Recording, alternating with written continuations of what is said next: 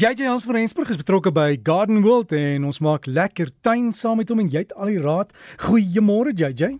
Môre môre uit 'n baie nat Johannesburg uit Derek. Ek weet jy's ook in Johannesburg. Maar ja, ek weet jy het uh, twee vragies daar gehad en eenetjie was oor lelies wat nie wil blom nie en 'n mens moet maar altyd onthou dat as jou lelies nie blom nie, hulle het gewoonlik oor die algemeen son nodig en natuurlik as jy hom hierdie jaar goed voer, gaan hy vir jou volgende jaar blom. Maar as jy hom hierdie jaar nie genoeg kalium gee nie, gaan hy nie vir jou volgende jaar blomme gee nie. So maak maar altyd seker dat jy jou lelies met ietsie soos 'n 185 of Flower Power iets van daai aard voer net om seker te maak dat jou plante wel genoeg kalium in hulle het om blomoogies te vorm. Dan kom ons ook by die malva vraag wat jy gehad het. Breinkolletjies op die blare en die breinkolletjies is gewoonlik tekens van of roes of swart vlek. Nou albei is natuurlik 'n fungus of 'n swam en is baie maklik om net jou plante met 'n tenazol, 'n sistemiese fungusdoder te behandel wat natuurlik dan van die roes kan ontslaa raak. Maar Derek, nou die vraag nou eers vir daag gelaat. Ek sien ons tyd gaan ons bietjie vang. Ons moet nie vinnig oorgaan op die res van die program nie. Dit reën so lekker in 'n groot gedeelte van die land en nou is dit nou, um, nou maar net so, nie kraanwater of boorgatwater wat natuurlik in meeste gevalle beter is as kraanwater kan ooit die plante so laat ophelder soos reënwater nie. Gesuiwerde water is ook gewoonlik steriel, waar boorgatwater darm nie heeltemal die ongewenste kloor bevat nie. Behalwe dat die reën die blare skoon was, wonder mense ook wat is die wondermiddel wat saam met die reën afkom. En as jy na die helder nuwe groen groei kyk, dan is dit duidelik dat dit stikstof is.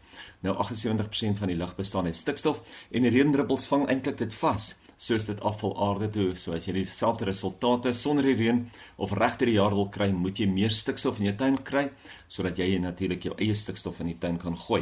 En dit is maar net die verskil hoekom reënwater soveel meer vir ons beteken. Wel, een van die redes hoekom reënwater soveel meer vir ons beteken as gewone kraanwater. Nou dat ek oor reënwater praat, wonder ek ook hoeveel mense vang hulle eie reënwater op in tanks. Nou langs die kus is die dou oor die algemeen genoeg om die tanks vol te hou. In die binneland moet ons ongelukkig staat maak op die reën en is al gewoonlik daai eerste reën by is meer stof en modder as enigiets anders. So die eerste tank word gewoonlik ongelukkig verloor, maar daarna as dit skoon genoeg dan kan dit gebruik word. Dit is ook fantasties om reënwater op jou binneste se plante te gooi, so ja, dan bring jy alweer daai stikstof uh in die huis in. So mens moenie van hulle vergeet nie of onder die dak in. Ons moenie van hulle vergeet nie. Die lekker ding is ook dat die reënwater nie jou plante se blare daai wit kloormerke gee nie. Dit is toevallig kloor en magnesium wat eintlik die merke buite op die blare maak. En dit is hoekom mense altyd met jou baie baie dorpe of baie plekke het daai um verskrikte baie kalk in die water en dit is hoekom hy ook daai wit merke gee. So die reën was daarom van dit weg en hy was ook natuurlik die poree van die plante oop sodat hulle weer lekker kan asemhaal. Ek het laasweek gepraat oor 'n feestydtuine. Een ding wat ons nie van moet vergeet nie is natuurlik ons groentetuine. Nou as jy nog nie 'n groentetuin opgeplant het nie en die familie kom kuier, moet jy nou iets plant wat vinnig gaan groei en vroeg gepluk kan word.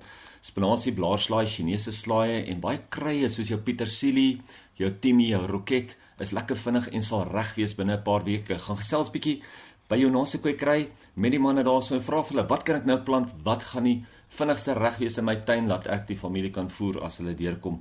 vir die feestyd of die vriende wat deurkom. Dit is altyd lekker om dit ook uit jou eie tuin uit te kan doen. Jy weet as jy daai geregte of daai disse bymekaar sit en jy kan sê, "Hoor, hierdie kom sommer uit my eie hoekie van my tuin uit." Is dit altyd soveel lekkerder as om dit ergens by 'n winkel te koop. Plant van die week vir hierdie week is 'n baie bekende plant, maar dit is 'n splinternuwe reeks in hierdie bekende een. Nou almal ken die bougainvillea, maar ken jy wel die funky villas? Nou, die funky villas het kleiner dubbelblomme.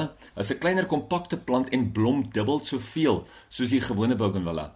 Ja, soos ander bougainvilleas is hulle semi-hard, mal oor die volson en hou van goed gedreineerde grond. Ja, hulle is ook waterwys. So jy kan vir jou 'n funky villa in jou tuinplant veral as jy altyd bang is dat die bougainvillea gaan oorneem soos wat hulle groei. Hierdie enetjie groei nie heeltemal so sterk nie. Direk en ek seker daarvan almal kan nie wag om jou 'n bietjie later vandag by Gardenwell te sien nie. Ek gaan jou ook daar sien en natuurlik gaan ons sommer kan kyk hoe kan ons van hierdie plante afneem. So so maak JJ, ek gaan vir jou daar sien. Jy skuld my koffie en dan sal ek jou volgende keer vra oor komkommers kweek want ek het wat opkom, maar wat nou gemaak. So ons kan daaroor gesels. Alles van die beste. En ek hoop jy kry daarom nog so 'n bietjie reën, JJ. Daar's hy definitief, ons het dit altyd nodig.